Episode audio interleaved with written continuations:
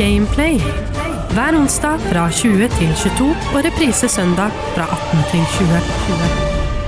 Hjertelig velkommen skal du være til Gameplay her på Radiometro. Det er spillprogrammet for deg der hjemme som er gira på å høre mer om gaming. Kanskje du allerede er en ganske stor gamer selv og ikke trenger å høre mer, men hva er da deiligere enn å prate litt gaming med noen gamingglade gutter? Og i dag så er det ikke bare jeg som er den gamingglade gutten i gamingsofaen. Jeg har med meg en ny gjest fra spill utviklingsverden.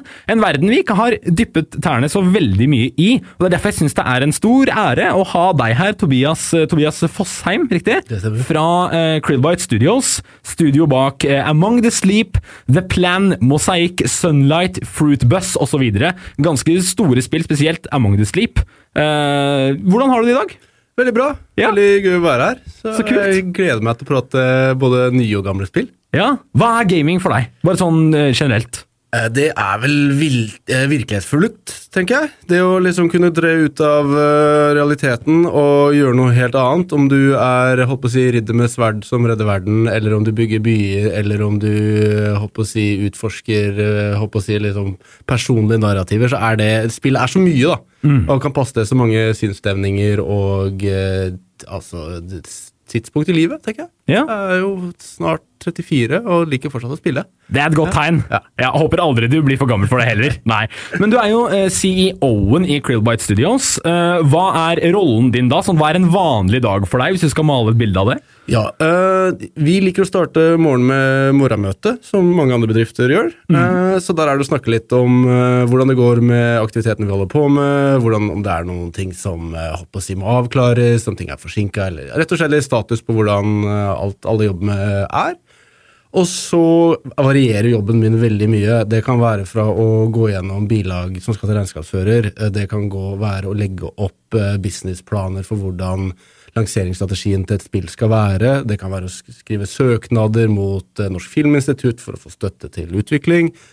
Eh, og det kan være å snakke med personalet, høre hvordan de har det, eh, og rett og slett drive med en del planlegging av hvordan produksjonene våre skal være. Så det, det er alt mulig. Og så er det en del reiseaktiviteter ute på messer, og snakker med spillere, snakker med potensielle partnere. Um, snakker med butikkene der vi selger spillene våre. Um, og så er det ofte å vise fram spillene våre også på disse messene, da. Uh, yeah. Og ha møter.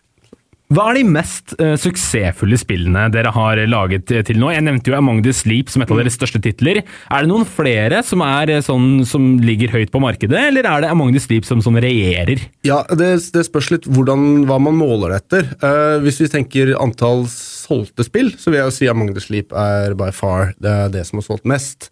Ser man på måler etter på en måte kunstnerisk uh, si, utforskning og, og det å på en måte tørre å pushe mediet hva et spill kan være, så vil jeg jo si at uh, de to siste utgivelsene våre, Mosaic og Sunlight, har jo gjort ting som andre spill ikke har gjort. For eksempel i Mosaic så handler jo Temaet der er en slags eh, hva skal man si, en existential dread. hva skal man si, Det å føle seg bare som en del av et maskineri på arbeidsplassen. det At man på en måte mister individualiteten sin, at man mister eh, det kreative med at man bare går til jobb, jobber, går hjem igjen, sover, og så er det repeat. Nihilisme. Litt sånn hva er meningen med livet? Rett og slett. Ja. rett og slett. Uh, og det jo, ser du ikke så mye i andre spill, så det å utforske et narrativ, hvordan det, det føles, og så lage gameplay rundt det, Mm. uh, er jo veldig sånn nybrottsarbeid, da, vil, vil jeg tørre å påstå.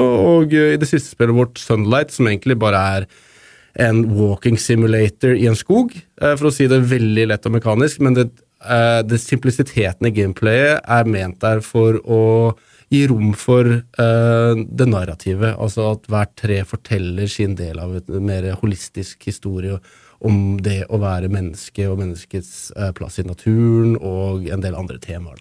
Her sier du noe veldig veldig fint. Jeg, jeg elsker temaene du tar opp, og måten du beskriver det på. Jeg får lyst til å dra rett hjem, for jeg har ikke spilt uh, Sunlight eller Mosaic, men jeg får lyst til å dra eh, hjem og spille med en gang, fordi det der er en skikkelig skikkelig verdifull egenskap når det kommer til spillutvikling. Å vite om eh, hvordan man kan være innovativ. Hvordan man kan fortelle et narrativ på forskjellige måter ved bruk av mekanikker og design. Det høres ut som dere fokuserer veldig på, som jeg bare vil gi all, altså, applaus til. For det syns jeg er en utrolig, eh, utrolig god egenskap for å vite hvordan vi kan pushe spillnarrativer og mekanikker videre. Føler at dere, Det er deres hovedmotto, liksom, dette med innovativitet og, og narrativ fortelling i forskjellige måter. Ja, det vil jeg absolutt si. Um, vi annonserte jo vårt, uh, vårt, det prosjektet vi holder på med nå i sommer. Og Hvis du ser på katalogen av de spillene vi har jobba med, så er de veldig forskjellige. Mm. Og det, det, er bare liksom resultatet av at vi ikke ønsker å gjøre det samme om igjen. At vi prøver hele tiden å pushe medier for hva, hva det kan være. da. Og, og utforske um, nye måter å gjøre ting på, men også pushe oss selv til å tenke nytt, og, og ikke bli låst i på en måte noen fastsatte ja, hva skal man si, roller for selskapet. Hva, Quillbar skal kun lage horrorspill, eller Krillbar skal kun lage narrative walking simulators. Vi, vi, ønsker å ha på en måte blank slate da, hver gang vi lager spill. Veldig smart. fordi Hvis du bare går for å lage spill i én kategori, så mister du jo litt eh, det innovative i det. Du mister mm. også kreativiteten, mm. fordi alt kommer til å bli i samme farge. Og da er det liksom ikke kanskje like mye lyst til å pushe grenser lenger. Men hvordan er du som en gamer, da? Tobias? Hva, hva er det du verdsetter ved et spill? Uh, jeg Uh, for å svare på Da kan du jo gå på Steam-pagen min og se hva jeg har brukt best tid på. Smart svar. uh, det er, for man kan si at man ønsker det litt forskjellig, og så, og så må jo på en måte tallenes tale få si noe. Ja. Uh, jeg har brukt veldig mye tid i Skyrim. ja. ja. Jeg har brukt mye tid i Boulderskate. Tre? Tre. Oh, ja. ja, jeg liker det. det det syns jeg er veldig gøy.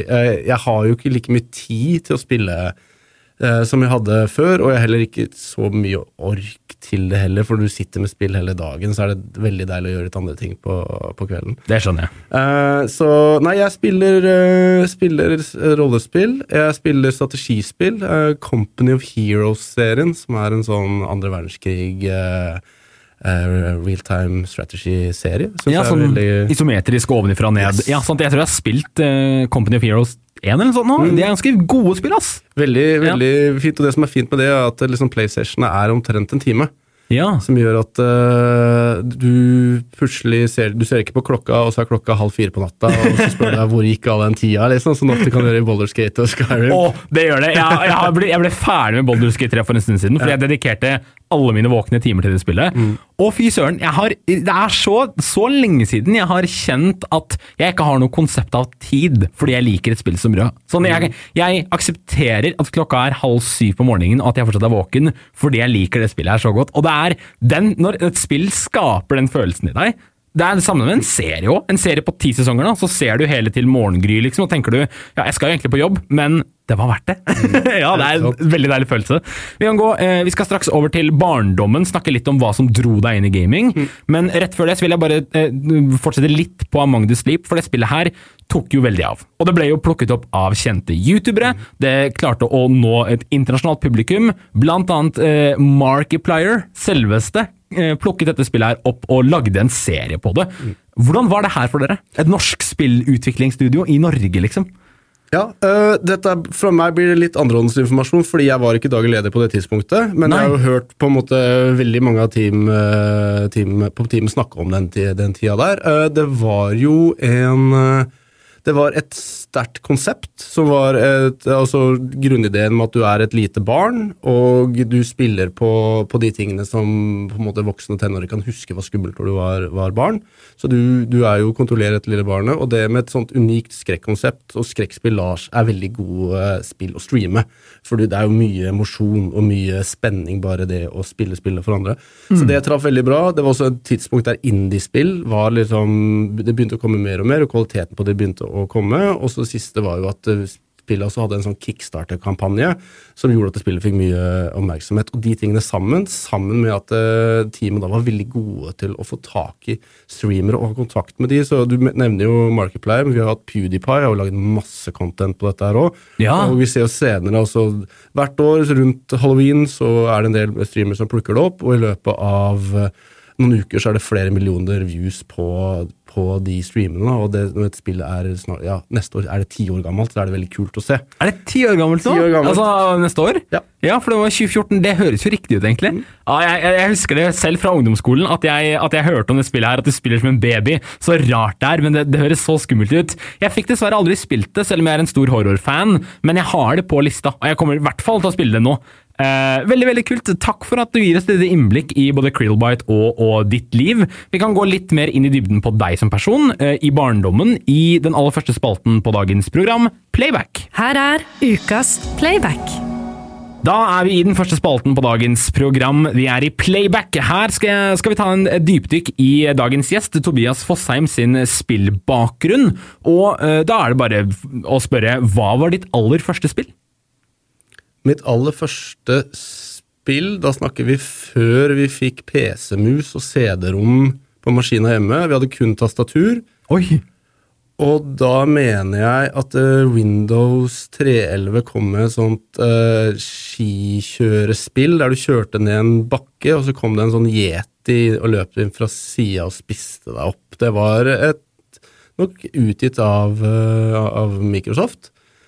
Men det var også andre i den pakka. Det var eh, Jeg mener vi kunne spille kabal med tastatur, hvis jeg husker Ja. riktig. Uh, minesveiper, da måtte du ha mus, og det fikk jeg ikke spilt tidlig, tidlig.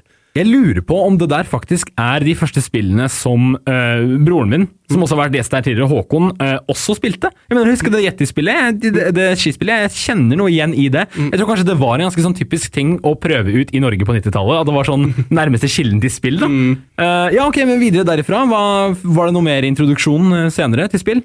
Eh, ja, da, da husker jo da når uh, faren min kom hjem og vi hadde fått CD-rom på, på maskina, og da hadde vi jo mus, og da dro vi ned på Narvesen, for da solgte Narvesen dataspill på den tida, og da fikk Oi. jeg kjøpt meg Tomb Raider 2. Oh, ja! Og det var, da var det en hel ny verden. Da var det 3D-grafikk, og det var eh, Altså, det, ja, da, da husker jeg Da fikk jeg bakoversveis hva spill kunne være. For jeg hadde spilt mye sånn 2D-spill som Super Mario på Nintendo og eh, og en del sånn 2D-skytespill på, på PC som Duke Nukem 2 og uh, jeg tror det spiller heter Bioshock. Også. Nei, Bio... Nei, jeg husker ikke. Ja, det var nei, de gamle De gamle, gamle skyterne, Ja, liksom. Men uh, det å bli introdusert i Tomb Raider var jo Ja. ganske sånn stort på den tiden òg, fordi at noe av det var at det var en 3D-modellert kvinnelig Mm. hovedfigur, som var litt sånn alle ungdom, ungdomsgutters drøm, liksom spille som en kvinne. Mm. Ja. Uh, videre derfra, da, sånn ungdomsårene, begynte du å game sånn på fulltid da, eller? Ja. Øh, jeg, jeg har jo veldig mange forskjellige interesser, uh, så, men spill har jo på en måte alltid vært en del av blant, uh, blant de. Um, det var nok da jeg altså, holdt på å si, Det å lære seg engelsk, da. Det åpna jo opp for en del, en del spill som jeg på en måte ikke klarte å spille når jeg var mindre. Sånn, de første Boulderskate-spilla, uh, Neverwinter Nights tidligere, sånn, de kunne jo ikke engelsk, så det var Nei. bare å trykke på knapper. Og de er bare tekstbasert òg, så det blir veldig vanskelig. ja. Så jeg husker jo det ble mye rollespill så fort jeg kunne lære meg Så fort jeg hadde lært meg å liksom lese brukbar engelsk. Eh, og eh, det er vel kanskje litt tidlig i ungdomstida, men altså Ocarina of Time på 1964 var jo Jeg kommer aldri til å glemme den julaften det lå Jeg åpna opp det inn i tre. Det var ah, For et spill. Ja, for et spill. Det spillet er ut, Det står bra den dag i dag òg, ass. Ja. jeg også, selv om jeg vokste opp en stund senere etter 90-tallet, Mm. så fikk jeg også uh, introdusert uh, meg til uh, Ocarina of Time. Mm. Og jeg syntes selv da, uansett hvilken alder jeg var i, at det var et utrolig Jeg kunne se spillet for det det var, da. Mm. Det var så verdifullt for spillhistorien på, på den tiden. Eh, ja, et veldig bra spill. Hva var det som ga ordentlig sånn Satte ordentlig inntrykk på deg, da? Når det kommer til sånn kanskje følelsesinntrykk. Sånn, Hvilket spill var det første som fikk deg til å gråte, hvis du noen gang har grått av et spill? Uh, jeg vet ikke om jeg gråt, men jeg husker jo det som kanskje um, har satt mest spor, er et spill som heter Brothers, uh, som Ja, det der- er Josef Fares-spillet. Ja. Der du spiller jo to, og så går jo den ene broren bort, og så spiller du spillet på en annen måte etterpå. Oi. Eh, der på en måte det narrativet og gameplayet henger sammen. Eh, det syns jeg var liksom det var litt, Da var jeg litt sånn over, For det hadde jeg ikke sett før. Jeg var helt overraska. Ok, kan de være såpass sammenknytta, de to tingene? For eh, i hvert fall sånn på hvis du har vokst opp med liksom um, pek og klikk-spill, uh, Monkey Island og sånne ting, så er jo på en måte det er jo mer en interaktiv film med noen puzzle-elementer, der liksom det narrativet er veldig uh, i fokus, og så, kanskje, som vi har snakka om Tomb Raider, til en viss grad Zelda-spill nå på ny, etter Accordion of Time er mer, mer gameplay-drevet. Så det er, sånn, det er litt to forskjellige verdener. Det er selvfølgelig overlappen, men jeg føler den, den Brothers var liksom de, de, Det var skikkelig sånn aha-opplevelse for meg. Som selvfølgelig er noe jeg skulle hatt veldig lyst til å være med på å gjenskape en sånn liksom ha-opplevelse i et spill uh, i karrieren min. Var det liksom gnisten til dette med å utforske sånn narrativ storytelling i spill? Ja, det Ja. vil jeg si. Det vil jeg si. Altså, det kommer jo til Jeg er jo, som sagt, jeg elsker pek- og klikk-spill, de gamle. Så det, det narrativ alltid ligge der, men det er denne, som du sier, den kombinasjonen av det. Eh, der, der, og det er et sånt space som på en måte er, ikke er 100 ikke uh, utforska ennå. Det er veldig mye man kan gjøre, og det er større publikum, altså det er et bredere publikum som kommer, som betyr bare at det er mye mer spill du kan lage, og mer variasjon i, i hva du kan faktisk få til å uh, få folk til å kjøpe og ville spille, da. Så nei, det er veldig, veldig spennende å være i spill nå om dagen. Så kult. Ja, Godt svar. Jeg liker også at du name-dropper Monkey Island der. Jeg bare må si det, fordi det er, Merkelig nok så er det ikke så mange som har vært bortpå det, egentlig. I hvert fall ikke sånn på norsk basis. Men Monkey Island det er en juvel fra 80-tallet, ass. Det er det. Eh, spilte du de som ung? Altså, spilte du alle sammen? Jeg spilte Jeg runda eneren og toeren uten å kunne engelsk. Seriøst? Det er nesten en OL-medalje. Jeg skjønner ikke. Jeg hadde en onkel som jeg kunne ringe, og som jeg da tror jeg etter beste evne leste opp ordene på engelsk, og Ja. så oversatte han det til meg tilbake til norsk. Og så prøvde vi å finne ut av hva på en måte setningene og sånn betydde. Ja. Så jeg fikk litt hjelp. øh, men, men ja, jeg klarte å komme gjennom øh, eneren og toeren, og så når treeren kom, så kunne jeg engelsk, og det er vel kanskje også det da jeg husker liksom best, da. Ja. Uh, fordi da, da spilte jeg det selv, men det, det er sånn skikkelig uh, gode minner. Det å, det å spille Monkey Island, for deg som ikke vet det, så er Monkey Island et utrolig provoserende og overvanskelig puzzlespill fra pirattiden, eh, med masse humor.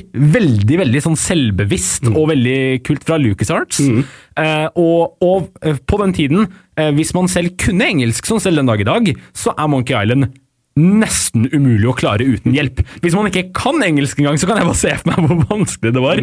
Husker du sånn spyttkonkurransen og sånn fra toeren? Ja, ja, den der, eh, den der gummi-Anna og Ja, nei, det var så mye. Ja, du, måtte, du måtte ha god tid, for å si det sånn. Du måtte ikke ha full jobb, i hvert fall. Nei. Nei, men det er godt. Eh, Vi kan ha siste spørsmålet for eh, spalten. er vel uh, Hvilket spill var det som fikk deg til å tenke aha, det her har jeg lyst til å jobbe med? Eller er det mulig å jobbe med det her? Ja. Eh, det var uh, et spill som heter Beneath the Steel Sky. Uh, som er av de utviklerne som også har lagd Broken Sword-serien. Som jeg endte opp å jobbe hos senere. Oh, ja. Så det var en sånn Det, var, det er pixel art 2D point and click. veldig sånn spennende narrativ, litt sånn dystopisk fremtid. Jeg er interessert, veldig fan av pixel art-kunst og, og på en måte historiefortelling. Så, så det var sånn der Dette har jeg lyst til å drive med når jeg blir stor. Og så gjennom på en måte ungdomsåra skjønte jeg kanskje ikke den beste til å tegne eller beste til å skrive historier, men jeg må finne noe på en måte jeg, jeg kunne bidra med der. Og så, og så da ble det at jeg gjorde oppfølgeren til Beneath the Sea Sky, Beyond the Steel Sky, for eh, ja, i, det var fire år siden. Som, Ja, okay. som produsent. Ja. Hvilket studio var det her? Eh, det heter Revolution Software. Ja. Jeg holder til i England. Ok, ok. Så kult! Det var liksom inngangen. At nå er du, nå er du på Krillbite. Det var, Ja. det var liksom steget opp. Når det spillet var ute og var ferdig med prosjektet der, og jeg ville flytte tilbake igjen til Norge under korona og sånn, så Mm. var det da når den muligheten hos Quillbite uh, åpna seg, så kunne jeg ikke si nei til det. Det var Nei. veldig gøy. For en kul historie. Nå som jeg har fått lært litt om deg, Mm. tenker jeg at vi kan utfordre deg litt, hvis du er gira på det. Gjerne. Jeg har med en, en lyd fra et ukjent uh, spill, som du ikke aner hvor kommer fra. Jeg vet selvfølgelig hvor det kommer fra, det er det som er litt av spenningen her. Uh, og din oppgave blir å finne ut av hvor dette spillet, hvor denne lyden kommer fra, hvilket spill det er vi skal frem til, bare basert på én enkel lyd. Så spiss ørene og gjør deg klar.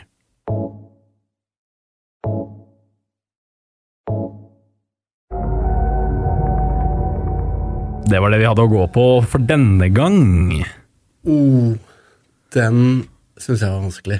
Uh, jeg fikk følelsen av å ha dødd Ja. Uh, og det spillet jeg har dødd mest i de siste par åra, er vel eh, Elden, Elden Ring? Elden Ring, ja. Elden Ring. Det er en, det er en, det er en god gjett. Jeg kan si at vi, vi skal vel kanskje hakke litt sånn skumlere enn Elden Ring, for nå begynner det å bli litt mm. mørkt ute. Det begynner å bli halloween-stemning. Derfor tenkte jeg å ta ett fra litt sånn horrorsjangeren. Eh, og så tror jeg kanskje hvis du hører enda Jeg kan ta den spillenavnet igjen. Hvis du hører nok på liksom lydeffektene og, og kanskje hvor gamle de er, så kan du høre at det er litt sånn eldre type spill. Vi, vi kjører igjen.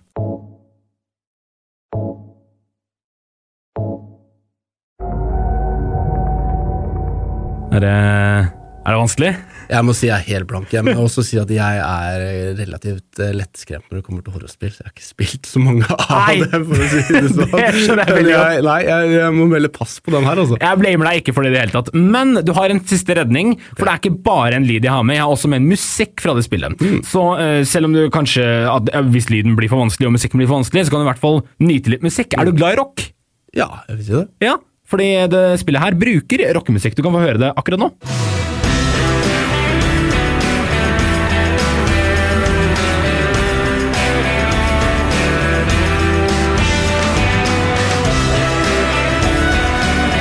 Litt sånn eh, hardrock med litt sånn italiensk instrumenter i bakgrunnen, sånn gitarspill.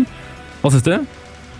Det høres bra ut. Eh, jeg tenker den type rock sammen med et horrorspill Ja. Det vel jo fort kanskje til liksom eh, japansk. Mm -hmm. uh, altså, jeg tror kanskje ikke det er Resident Evil. Uh, jeg tar en råsjanse og sier Silent Hill. Ok, vil du, vil du ned på et eller annet av spillene, for det er jo mange av de?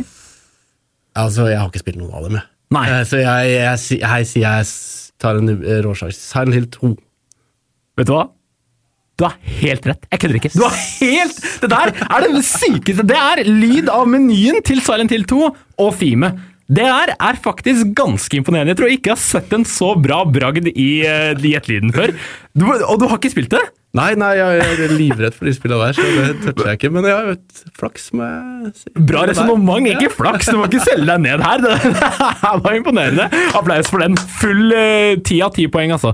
Eh, veldig bra. Jeg trenger ikke å utfordre deg mer nå, du er eh, utlært. Vi kan gå over til den siste spalten på dagens program, hvor vi skal anbefale litt spill. Er du klar for det? Det Ja, da kan vi bare sette i gang. Du hører Gameplay med Nikolai. Da har vi beveget oss mot den siste spalten i dagens program. Dette er våre anbefalinger, der jeg og Tobias fra Krillbite, eh, som er dagens gjest, veldig hyggelig å ha deg her, skal, så bra, skal eh, ta et dypdykk i eh, våre spillanbefalinger, som vi har lyst til å anbefale videre. da. Så se for deg at du hadde hatt en sulten gamer her ved siden av oss, som hadde krevd et eller annet å spille hele oktober og november.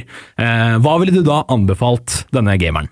Eh, Vi har jo vært inne på Bollers G3 Ja. Som er jo Det er jo, håper å si, har hva skal man si, hevet lista for, eh, for rollespill. Satt standarden? Uh, Satt standarden på nytt igjen. Det er absolutt. absolutt. Og har du god tid, uh, så, så er det helt topp. Du må ha mye tid, altså! Ja. Eh, og så vet jeg jo at eh, det kommer jo en eh, remaster av eh, Metal Gear Solid-spillene. Jeg lurer på om den har kommet ut allerede, men da får du spilt liksom de første på Nintendo og de første som kommer på PlayStation. ja. Som er jo absolutt eh, sentral spillehistorie, vil jeg si. Veldig. Eh, og særlig da vi har snakka om fortellerkunst og, og gameplay, og det er jo virkelig gjennomført i de spilla. Så det vil jeg anbefale. Tror jeg kommer på alle plattformer. Ja. På Switch også? Jeg mener det er litt du skal ikke være helt sikker der, men jeg tror de skal få det ut så bredt som mulig, ja. Ja, jeg også lurer på det. Switch og PS5 og hele pakka, liksom. Og det er jo, det er jo noen juveler som aldri blir, blir gamle. Så de kan du spille Du kan spille nå, du kan spille om 20 år, de kommer til å være like bra. Det vedder jeg på. Nydelig. Eh, og så vil jeg, hvis du har blitt litt eh, nysgjerrig på hva på en måte point and click-spill er gjennom å høre på denne episoden her, så tenker jeg jo Jeg vil jo anbefale de to favorittspillene mine, Broken Sword 1 og 2. som har kommet ut uh, i, i uh, remake, og skal komme ut i en remaster senere. Okay. Så det er litt oppdatert for uh, håper å si, dagens maskiner og publikum, så du slipper å bute det opp i MS-DOS.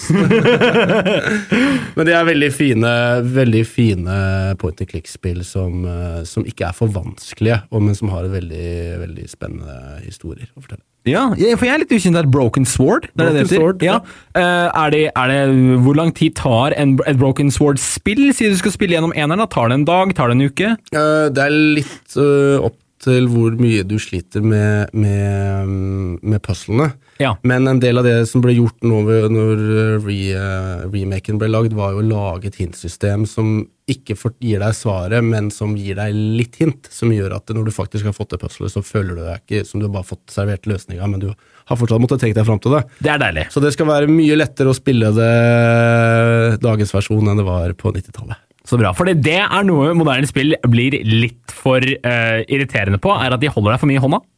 Og det må de slutte med. De må slutte med det! Det er en utrolig hårfin balanse Ja. uh, som uh, gjelder veldig mange spill. Altså, du har ikke lyst til å få folk frustrert og slutte å spille, men du har heller ikke lyst til å undervurdere kapasiteten deres og evne til å forstå det heller, så der må man Det er mye balansering og testing som må til. Og så er det de som driter i om du slutter å spille spill òg, sånn som de som lager Dark Souls, da. Ja. Miyazaki. Så er sånn, nei, jeg, jeg lager det spillet her, og du skal bli sur. Sånn, det er sånn det, det er gangen. veldig, veldig bra. Jeg kan komme med min. Uh, det er litt i Baldur's Gate 3-baner, faktisk, for jeg spilte jo det ferdig her og har skrytt nok om det til gameplay, men det fikk en sånn Dungeons and Dragons-gnist i meg, som har ført meg til å gå over til nye sånne typer rollespill. Så nå har jeg hoppet på Pathfinder Kingmaker, et uh, russisk-produsert eh, spill av i da Pathfinder-universet, som er det er et lignende Baldur's Gate-univers eh, som eh, DND kan eh, spilles i, men eh, på en, en helt annen verden, med helt andre figurer og sånne ting, men litt på samme måte. Men det skal sies, hvis du ikke kjenner til Dungeons and Dragons i det hele tatt, nesten litt sånn som meg egentlig, og vil prøve å spille Pathfinder, så kommer du til å slite litt, fordi det er ikke designet som at du skal være ny til DND og få liksom en, en, en innføring i det. det. Du blir kastet ganske hardt ut i det. Så gjerne vit hva plus two saving throw points betyr. Sånn, for det spillet kommer ikke til å fortelle deg det i det hele tatt. Jeg vet, jeg vet fortsatt ikke helt hvordan man rester ordentlig i det spillet. Sånn rundt campfire, som er sånn det mest elementære i DND. Men eh, fortsatt en god story. Eh, kul eh, kul variasjon i hvordan du kan gjøre gameplayet ditt, sånn som Baldur's Gate 3. da. Og så er det liksom en liten kompensasjon da, for for at jeg er ferdig med Baldur's Gate 3 og fortsatt har, har lyst på litt mer sånn RPG. Du, kjenner du til det? Eh, jeg har hørt om det. Jeg har ikke spilt, uh, spilt det selv. Eh, Nei, okay. Men kanskje, hvis jeg noen gang blir ferdig med Baldur's Gate, så kanskje jeg skal Ja, det er godt hende. Kanskje. Det, det er da Pathfinder Kingmaker, eh, og, og plottet, veldig kort fortalt, er at du blir sendt av en, en royal dame til å ta en bandittherre, og så ta over et område, og det området blir du baron for. Og så er liksom storyen bygd videre på det at du har et eget område, og du skal være en del av Pathfinder sitt univers, og være liksom, bli en royal, da, gå fra, fra rags to riches, som det kalles. Eh, og så er det en, en sequel som jeg ikke har kommet på ennå, for jeg er fortsatt i Kingmaker, men eh, som heter da Pathfinder Wrath of the Righteous, som også har fått litt sånn blest opp igjennom. Så det er nok å hente der. Det er et eget, helt eget univers til de som er sultne på mer, mer type DND RPG-spill. da. Så jeg tenker det kan være en fin anbefaling eh, til, eh, til deg der hjemme, om du sitter med den lysten. Eh, med det sagt så tror jeg ikke det er så mye mer eh, vi har på blokka. Det, jeg vil gjerne spørre deg litt sånn, hva er dine fremtidige visjoner og planer for Krillbite når det kommer til spill, eller expanding av studio? Jeg vet ikke. Har du noen tanker der? Uh, nei, vi jobber, som jeg nevnte innledningsvis, vi jobber jo på et prosjekt nå som heter Fruitbus, som er en, en food truck eventyrspill satt i oppe i verden. Eh, det vil vi jo få gjort ferdig og få ut. Jeg har ikke noen å si, utgivelsesdato å melde nå, men det er jo det på en måte på kort sikt det vi, vi ønsker å få ut der. Og så vil det være naturlig, selvfølgelig, å se på er det noe med Magnus Lip vi kan finne på her. Ja, Ja, En sequel av noe Ja, slag? Noe, noe ligger der. Ehm, så så det, det har vært veldig gøy. Og så er nok vi litt sånn at vi trives veldig, siden vi trives så godt sammen på kontoret, øh, så er det helt fint at ikke vi blir den Norges neste Funcom. Vi trenger ikke bli mange hundre. Nei. Vi Koser oss på en måte, og, og får til å lage de spillene vi vil med et team på rundt 15-20 stykker. Godt tenkt. Så, så for vi, det, er ikke, det er ikke bare gøy å spille spill, men også veldig gøy å lage dem. Så da er det fint å liksom holde på det som, det som funker, og så selvfølgelig sånn skal vi lage et svært MMO en gang, så kanskje vi må bli litt eh, større, men det er ikke det som ligger i planene nå, i hvert fall. Nei, nei, men det er, eh, det er Dere trives i det selskapet dere er i, og det syns jeg høres ut som mer enn nok. Hvor mange er dere, sånn ish? Eh, nå er vi 14. 14, ja. Ja. Ja, det er, det er en hyggelig Det er en Steinerskoleklasse, liksom. Ja, ja. ja, men Så koselig. Eh, Jeg ønsker dere masse lykke til til alt dere har å gjøre. Eh, Er det noe du vil si avslutningsvis til en eller annen aspiring spilldesign-sjel der ute? Ja, det sier jeg, det sier jeg alltid. Eh, har du lyst til å jobbe med spill, lag spill. Det er så lett å begynne å lage spill i dag kontra hva det var for, for jeg holdt på å si, når jeg vokste opp og var ungdom. Eh, det finnes så mange verktøy som kan hjelpe deg med å begynne å lage de eh, spill. Start simpelt. For når eh, jeg vi ser på søknader, så er det ofte spillene du har laget og prosjektene du har vært med på, som er veldig viktige når vi, når vi si, rangerer kandidater. Så det er det ingen som stopper deg for å sette i gang med. Det er gratis verktøy der ute. Lag spill. Ja, Så hopp på RPG Maker i nærmeste fremtid, eller et eller annet sånt. Ja. ja, men Nydelig. Tusen takk Tobias, for at du tok eh, turen inn hit. Veldig veldig hyggelig å møte deg og ha deg med på Gameplay-reisen. Og Så ønsker jeg deg og Krillbite masse lykke til videre. Og så vil jeg bare si tusen takk til deg der hjemme for at du har hørt på en ny episode av Gameplay. Vi høres neste onsdag med en helt ny episode, helt nye gjester og helt nye spill å snakke om. Gameplay på Radio Metro. Onsdag kveld fra 20 til 22.